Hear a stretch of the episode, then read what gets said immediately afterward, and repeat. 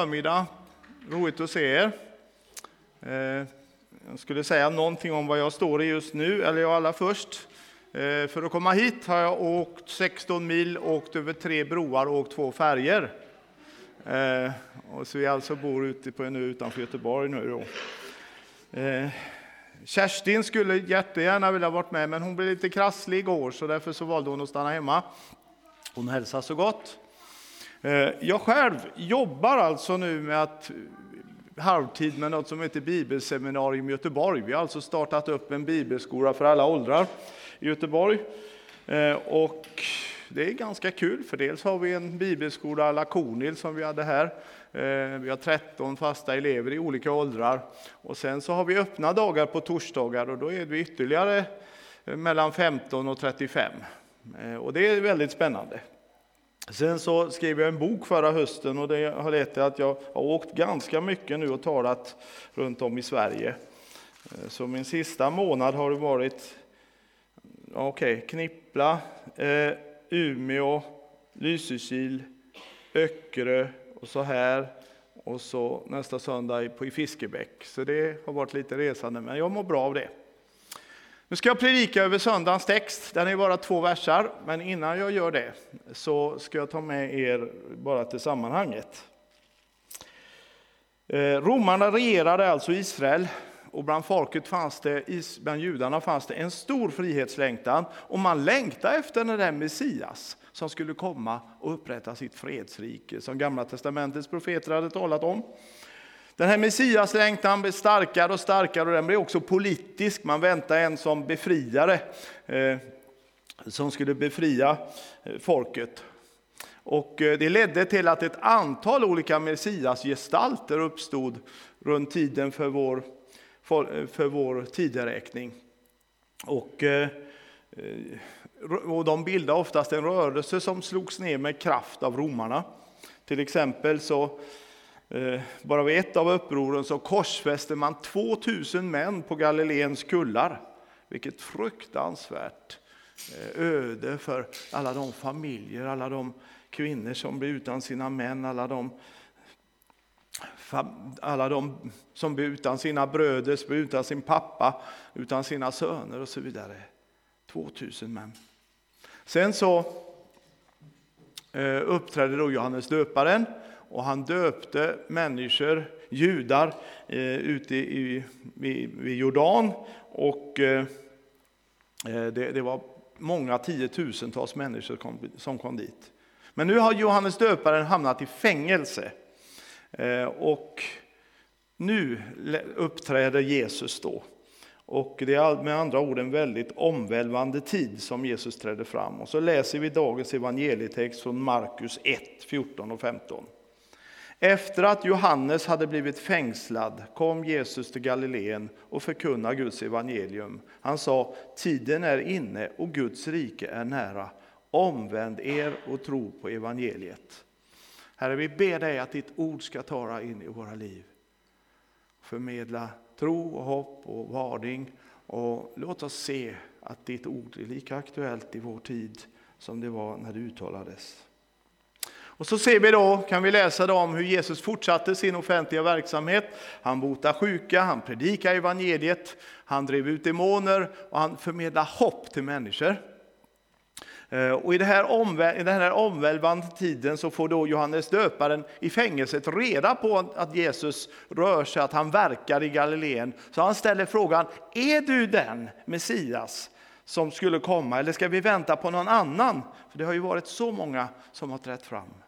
Och då säger Jesus ifrån Matteus 11, 4 och 6.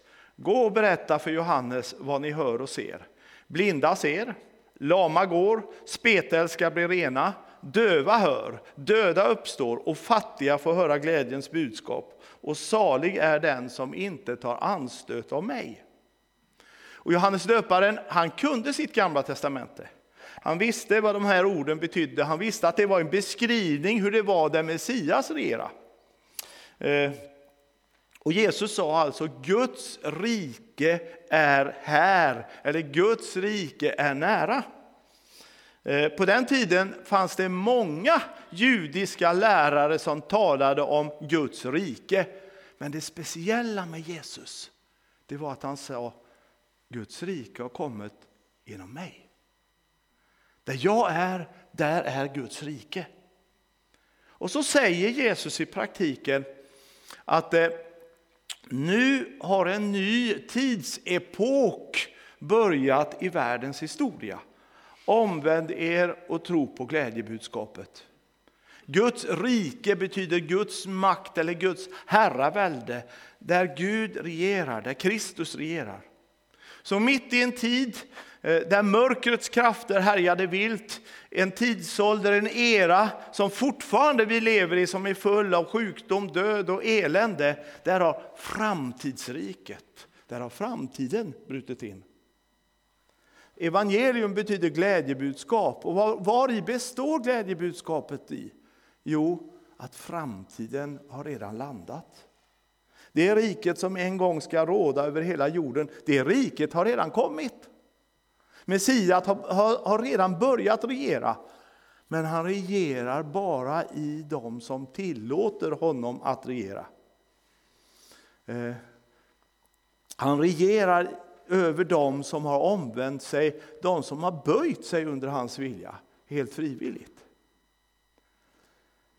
Och för den som har sett hur det kan gå till där Jesus får regera, där Jesus får verka, de människorna kan också ana hur det kommer att bli när han regerar fullt ut på den här jorden.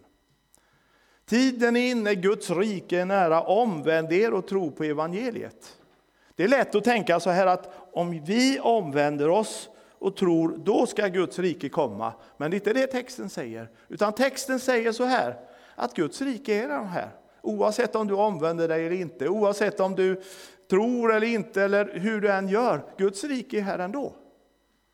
Men den som omvänder sig, den som böjer sig under Guds vilja, den som söker Kristi ansikte, han kommer att märka riket. Han kommer att uppleva riket, han kommer att se riket. Guds rike manifesterat i den kristna församlingen är både synligt och osynligt. Men människor som i den här tidsåldern som ser på Guds rike, som ser på människor i en kristen församling genom den här tidsålderns glasögon, ser något annat. Och jag ska läsa en liten omskrivning av en text av Bo Giertz. De ser en skara människor som alla har påtagliga fel och brister. De ser några katedraler som man kanske kan erkänna har ett visst konsthistoriskt värde.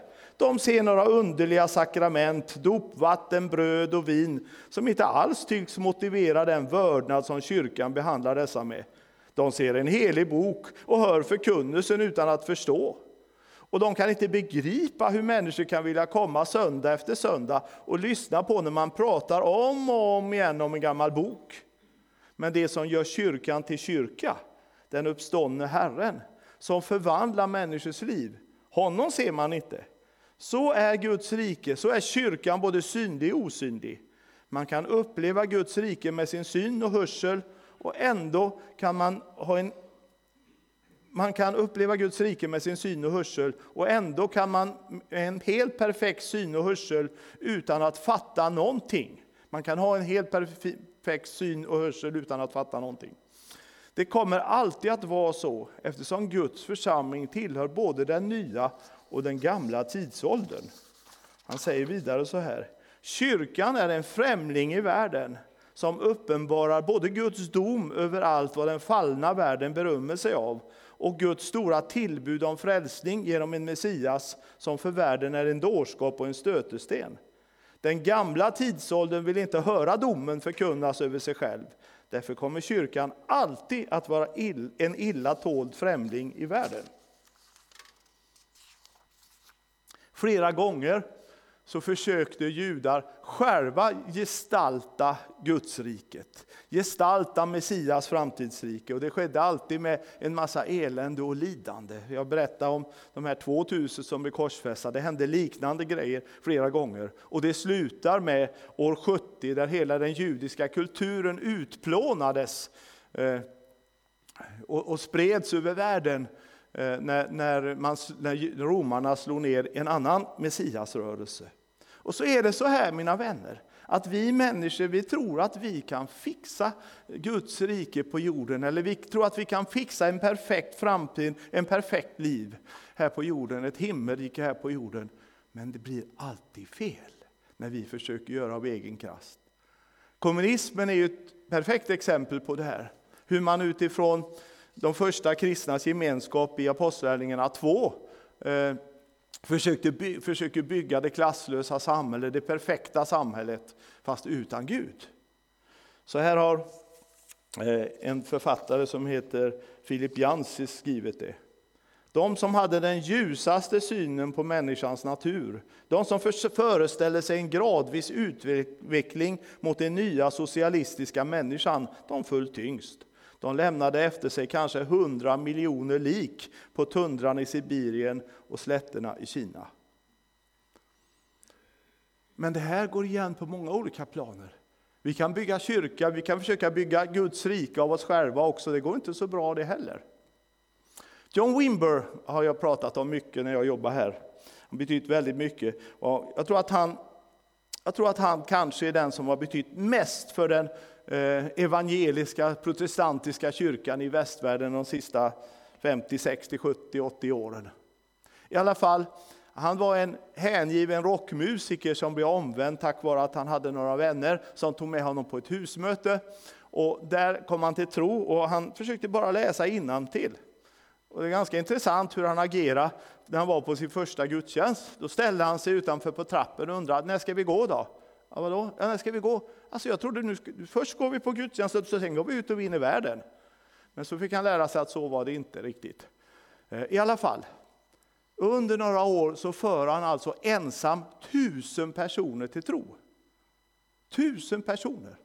Vilket ledde till att han fick en tjänst som, som lärare på, på ett känt Eh, Eh, seminarium i Los Angeles, Fuller Theological Seminary. Och han undervisade och var expert på hur man för människor till tro. Eh, men han åkte runt hela, hela USA och, och, och liksom var en auktoritet i frågan. Men han började bli ganska trött och var nästan utarbetad. Han en gång var i Detroit och så upplevde han hur Gud sa till honom, John, nu har jag sett vad du kan göra. Och Gud verkar inte så imponerad. Nu har jag sett vad du kan göra. Vill du se vad jag kan göra? Och det ville John. Och så fick han vara med om att reformera kyrkan. Eh, den moderna lovsången vi sjunger har mycket rötter i, i, hans tjänst. Det här med under och tecken, helande Guds kraft förlöste han på ett helt nytt sätt i kyrkan. Och genom indirekt var det han då som låg bakom alfakurserna där tiotals miljoner människor har kommit till tro. Jag har sett vad du kan göra. Vill du se vad jag kan göra, säger Gud. Och Det tror jag är tilltal till, till, till varje kristen, det tror jag är tilltal till varje kyrka, till varje sammanhang. Jag har sett vad ni kan göra, vill ni se vad jag kan göra? Att se mer av Guds rike handlar, inte om, handlar om just det här. Att ännu mer böja sig under Jesu herravälde. Att ännu mer ge honom tillåtelse att verka i mitt liv. Väckelse verkar alltid börja med att kristna människor som trott att de kände Gud har tagit tid att söka Gud och förstått att det finns mycket, mycket mer. Att jag kan bara lämna över till Herren så att hans vilja, så att hans skeende kan ske i mitt liv. Om du möter någon som ställer frågan, tror du kyrkan i Sverige har någon framtid? Vad ska du svara då? Jag tycker du ska säga, ja, vi är de enda som har någon framtid. Så är det. Guds rike, framtidens rike, har redan landat. Och jag har sett det glimta till. Många gånger, många, många gånger i häftig lovsång, i häftig tillbedjan, men i alla de människorna, inte minst på våra personlighetens upprättelsekurser som vi har sett bli upprättade, förvandlade, upplevt inre helande, yttre helande. Eh, när vi har sett människor hänge sig att hjälpa andra, att ställa upp och bry sig om och förmedla Guds kärlek till världen, vilket jag har sett mycket ske i den här kyrkan. Eh, då ser man en glimt av Kristus. Man ser en glimt av Kristi rike. Eh, hur, hur det liksom, och anar på något sätt hur det kommer att bli när det får slå igenom över hela världen på en gång. Där Guds rike får bli allt i alla som det står. Och jag blev så uppmuntrad häromdagen när jag läste om en kille eh, och i bakgrunden är att jag jobbar i Kalmar. Där jag jobbar där så var jag skolpastor på en skola. Och eh, en kille som, var, som jag hade en del kontakt med, Eh, han var liksom mer vild än tam. Jag har aldrig sett någon som rör sig så mycket i en skolsal och var ah, ah, inte still en sekund. Och så här. Men i alla fall, vi fick med honom till tonårsgruppen. Han fick möta Herren och han blev lugn och fin. Och nu har han, nu har han just tagit initiativ. Ja, det, det skedde i och för sig, ifrån tonårsgruppen till idag skedde det en hel massa saker. Han gifte sig och, och är engagerad, varit engagerad i Vasakyrkan under många, många år som ledare. Och nu har han tagit initiativ till att göra någonting för de lidande människorna i Ukraina och samlat in mycket pengar och ordnat en gala eh, som, som finns på Youtube och som kända politiker och förlåt, kända författare och även Agnes Wold, eh, hon smittskyddsläkaren har rekommenderat ge pengar till Vasakyrkan som går vidare till, till, till Ukrainas lidande människor. Och just det här är så mäktigt att se hur Gud förändrar människor. Guds rike går fram och när vi böjer oss, omvänder oss, så förvandlar Herren oss, förvandlar Herren människor i vår närhet. Och ju mer vi ser av det, desto mer anar vi hur den värld kommer att bli. Eh, där Herren regerar, där han får regera för fullt. Framtidens värld. Men just nu lever vi alltså en dubbel tid. Man brukar kalla för redan nu, men ännu inte. Redan nu finns Guds rike här när vi böjer oss och tar emot det. Men en dag ska det komma fullt ut. Så vi har inte sett, ännu har vi inte sett fullt ut hur det kommer att bli. Och att vara kristen är att leva i den spänningen redan nu men ännu inte.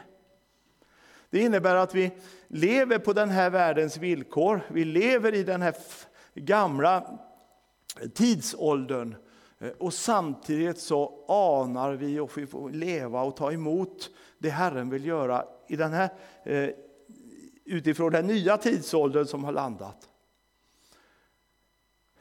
Ett liv med Herren här, det är just en blandning av tårar och skratt.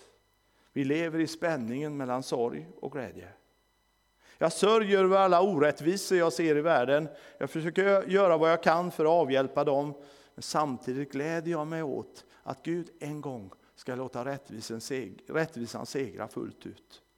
Jag sörjer över att vår jord förstörs. Jag arbetar för en bättre miljö. Men jag gläder mig samtidigt åt att en dag ska Herren förnya vår jord och himmel. Jag sörjer över att människor lider och har det svårt och försöker hjälpa så gott jag kan. Men en dag gläder jag, jag gläder mig åt att en dag ska alla tårar torkas bort från alla människors ögon. Jag är glad när jag ber för människor och ser faktiskt att människor blir förvandlade, blir helade. Jag sörjer över de som inte blir helade och alla de som är sjuka. Men jag gläder mig samtidigt åt att en dag, till alla som känner Herren, ska alla vara helt friska och upprättade. Jag sörjer över mina synder. Jag sörjer över att jag gång på gång misslyckas med att vara den person som Herren har kallat mig att vara och den jag själv vill vara. Men jag gläder mig över att Jesus har betalat med sin min skuld och att jag får vara hans barn. Och att en dag ska vi leva i en värld där ingen synd och inget elände finns. Jag sörjer över att människor som jag älskar dör och att jag själv kommer att dö så småningom. Men jag gläder mig åt att döden är bara tillfällig Gud ska liksom, ungefär som när man uppstartar, när, när du har en, dat, en mobil som behöver liksom uppdateras, så stängs den av ett ögonblick och så uppdateras den till en bättre version. Och Det är det jag ser fram emot. Så att vara kristen, det är att leva i spänningsfältet mellan den tidsåldern som vi lever i, som ska ta slut, och den tidsåldern som redan började när Jesus kom och som ska fortsätta i evighet. Och i Jesus svar till Johannes så sa Jesus, salig är den som inte tar anstöt av mig. Vad innebär det? Jo, det innebär så här att den Gud som har skapat varje människa, han ger varje människa ett liv att leva och ger människor frihet. Men Gud kommer aldrig att tvinga någon att göra hans vilja. Vill jag inte böja mig under hans vilja, vill jag inte göra det Herren kallar mig att göra, vill jag inte omvända mig, så okej, okay, Gud varnar oss några gånger. Men sen så småningom när vi har på något sätt med vårt liv och vårt sätt visar på att jag vill inte omvända mig, jag vill inte leva under din vilja. Då säger Gud så här, varsågod, då får du göra som du vill. Och så tar Gud bort allt beskydd som finns runt våra liv. Och så säger han, okej, okay, vill du synda, du ska få synda precis hur mycket som helst. Varsågod, bara kör på. Det står i Romarbrevet 1 om du vill läsa mer. Att för dem som inte ära Herren för den han var, för de människorna eh, så, så står det att Gud överlämnade dem åt synden, att Gud tog bort alla spärrar så att människan kunde synda precis hur mycket som helst. Eh, och Synd leder alltid till förnedring och misär. Och Det är intressant att också det är ett uttryck för Guds kärlek. Därför att rätt många människor ändå inser efter ett tag att det gick inte så bra. Det gick inte så bra när jag skulle leva mitt eget liv. Eh, och så, Du har säkert hört berättelsen, eller Jesu liknelsen om den förlorade sonen som fick göra precis som han ville, som levde livet som levde loppan långt borta från Guds vilja, från Faderns vilja. Men så småningom, efter allt festande, så blev det förnedring. Och så satt han där bland grisarna och så står det att då kom han till besinning. I grundtexten står det då kom han till sig själv. Och då blev han tillgänglig. Då tänkte han att ja, jag har slarvat bort alltihop. Det blev elände när jag skulle fixa mitt liv. Men tänk om jag kunde få komma hem till Gud eller till pappa. Eh, tänk om jag kunde få, ett, få en ny chans. Åtminstone bara få vara en tjänare där. Och så vet du, han vänder om och så får han, möts han av öppna famnen och får tillbaks allt eh, han hade slarvat bort och mer därtill. Och sån är Gud. Guds kärlek finns där hela tiden. Och har du, är du en sån person så att du har vänt bort och du har slarvat bort halva ditt liv, den dagen du vänder om, den dagen du kommer till besinning så ska du märka att Herren står där och väntar på dig. Christer Nilsson som var med här i kyrkan när jag var med, eh, han brukar berätta om hur han lämnade sin tro när han var nio år gammal. Och under 50 år levde han sitt eget liv. Och det gick så småningom sämre och sämre och sämre. Och han hamnade på gatan psykiskt, med psykisk ohälsa. Och bland annat tack vare nattcaféet och tack vare att han fick bo här på Kornhill så vände han om 50 år senare som 59-åring. Då fick han en ny chans. Då var han tillgänglig. Jag har skrivit en bok förra hösten som heter Kraftfulla rötter som är hopp. Efter det har jag funderat ganska mycket på det här med väckelse, vad det är för något. Jag har åkt runt Sverige en del och talat också om den och eh, reflekterat en del. Och till slut kan väckelse inte förklaras med något annat än att Gud själv griper in. Eh, som han faktiskt gjorde på 1800-talet i Sverige och på några generationer reste upp Sverige från att vara ett av världens fattigaste länder till att bli ett av världens rikaste. Men eh, strax innan väckelsen bröt in och människor böjde sig under Jesu herravälde som skakade om Sverige så reste Gud upp en märklig rörelse i det innersta av Götaland. Småland, eh, Värmland, Närke, Västergötland. Han reste upp fattiga människor och barn och ungdomar som ställde sig upp och vågade tala ut Guds ord. De, alltså tänk dig hur man ska reagera eh, om en fyraårig flicka som inte kan läsa eller något sånt ställer sig på ett bord och predikar en halvtimme eh, och citerar långa bibelord fast hon inte har någon aning om det. Och, alltså, och de orden fick ju människor i tusental att vända om och be om förlåtelse och omvända sig. Eller som en kvinna, hon var en fattig piga i, i, i, eh, i Rydaholm. 23 år gammal var hon tror jag. När hon började tala eh, så hon höll på i två veckor. Under den tiden så var det 70 hembrännare i trakten som slutade bränna och som böjde, böjde knä. För på den tiden var superiet något så ohyggligt mycket så människan, svenskarna de svalt. Men är man med om sådana händelser, att små barn och olärda som aldrig någonsin hade höjt upp rösten tidigare, hur de predikar Guds ord, hur de talar om, om om behovet av att omvända sig, det är klart att det skakar om människor.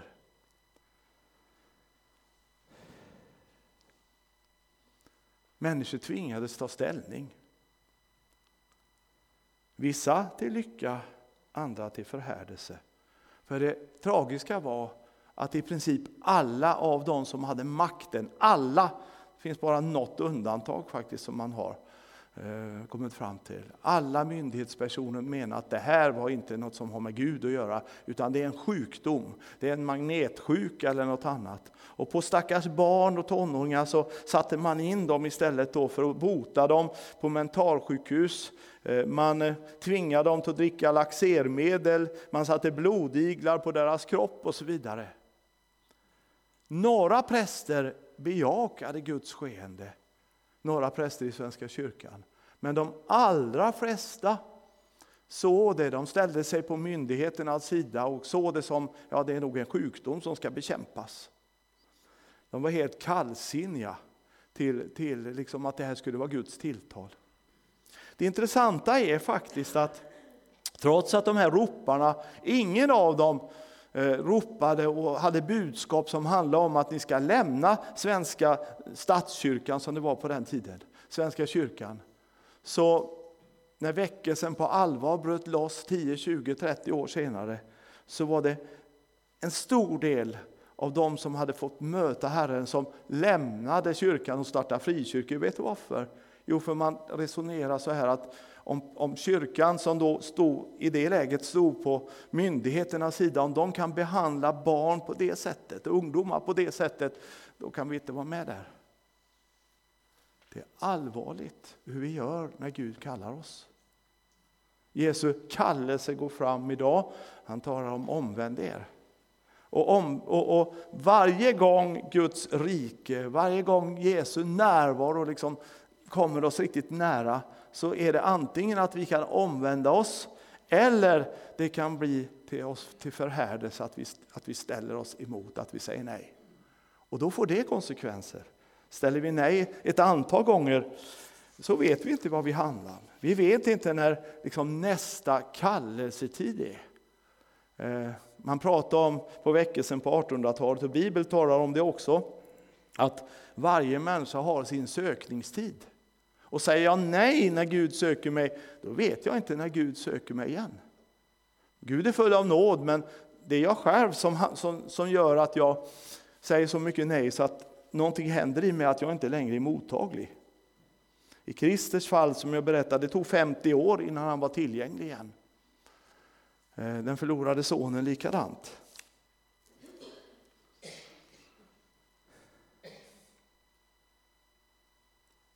Och Bibeln talar om att en människa, en kyrka, ett land har en sökningstid. Och det gäller att ta vara på den. Och Det är alldeles tydligt att se på kristendomen hur den eh, går fram i olika delar av världen.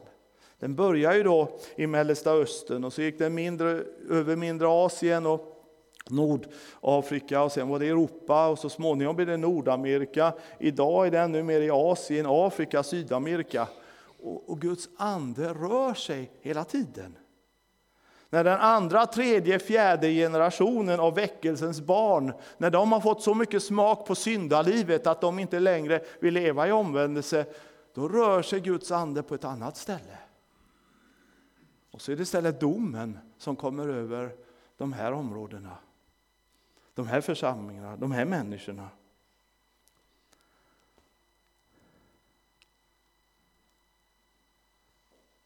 Gud säger, ske med er som ni vill. Och så utlämnar han, som det står i Romarbrevet 1, folket till att göra vad de själva vill. I Västeuropa och USA så ser vi idag två världsdelar som har sagt till Gud, ske med, som har sagt att vi vill inte ha med det att göra Eh, på ditt vis. Ske, och Gud säger, ske med er som ni själva vill. Varsågod, synda på. Och så ser vi idag hur sekulariseringen driver på i rekordtakt. Internationella företag erbjuder nästan obegränsad tillgång till dopaminhöjande upplevelser som skräpmat, skönhetsmedel, skönhetsoperationer, kosttillskott, porr, våldsvideos och så vidare och så vidare som ger kickar. Det är bara det att de kickarna varar inte så länge. Utan man behöver ännu starkare kickar jag orkar med det. Omedelbar behovstillfredsställelse är det som gäller. När de första kristna predikade evangeliet i romarriket så framstod det för romarna obegripligt och löjligt. Flera förkristna romerska texter beskriver hur dåraktigt och infantilt man tyckte att evangeliet var.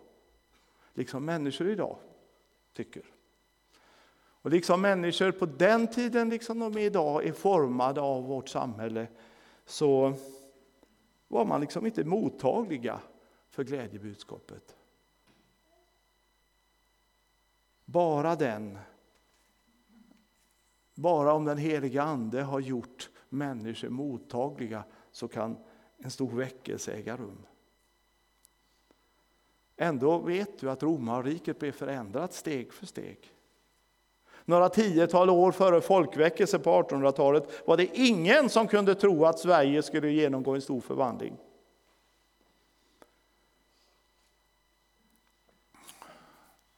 Det behövs två saker för att det ska bli en skogsbrand. Det ena är det är eld. Och det andra det är att marken i skogen är torr. Det kan vara jättemycket eld, små eldar, men om inte marken i skogen är torr så händer det inget. Det bara blir små eldar på olika platser. För att det ska bli väckelse behövs det två saker.